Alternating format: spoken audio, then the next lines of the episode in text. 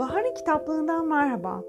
Elimde yüzyıllar öncesine dayalı ilginç bir okuma tekniği olan bir kitap var. Bu kitap 21. yüzyılda başarılı bir liderlik için 47 eski samuray ilkesini ele alan bir kitap. Kitabın kapağındaki yazılı açıklama bu.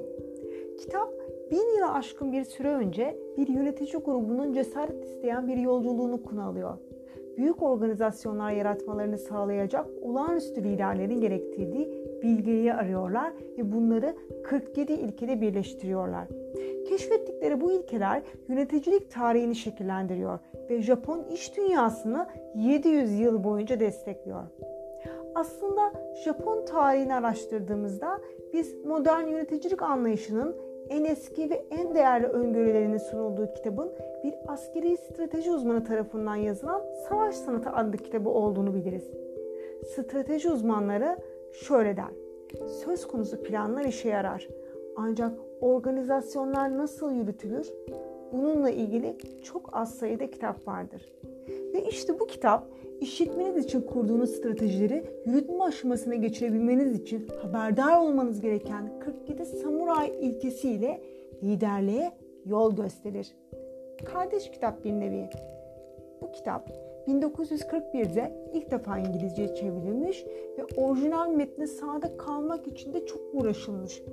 Türkçesi bile Japon kavramlardan ötürü anlaşılması ağır bir kitap. Kitabın özel bir okuma formatı var demiştim. Öyle alelade okunmuyor.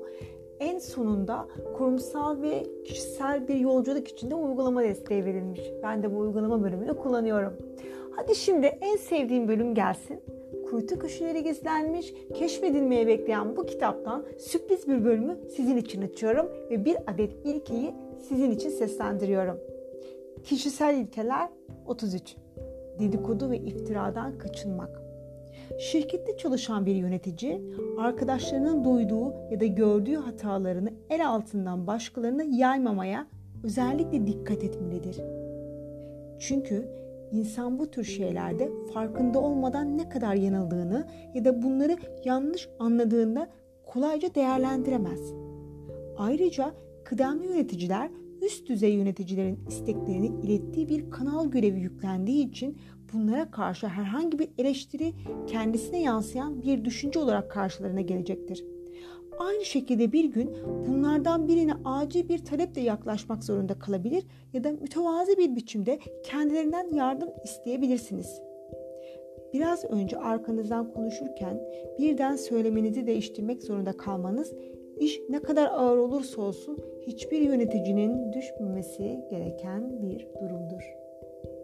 Bahar'ın kitaplığında bu bölüm sona erdi.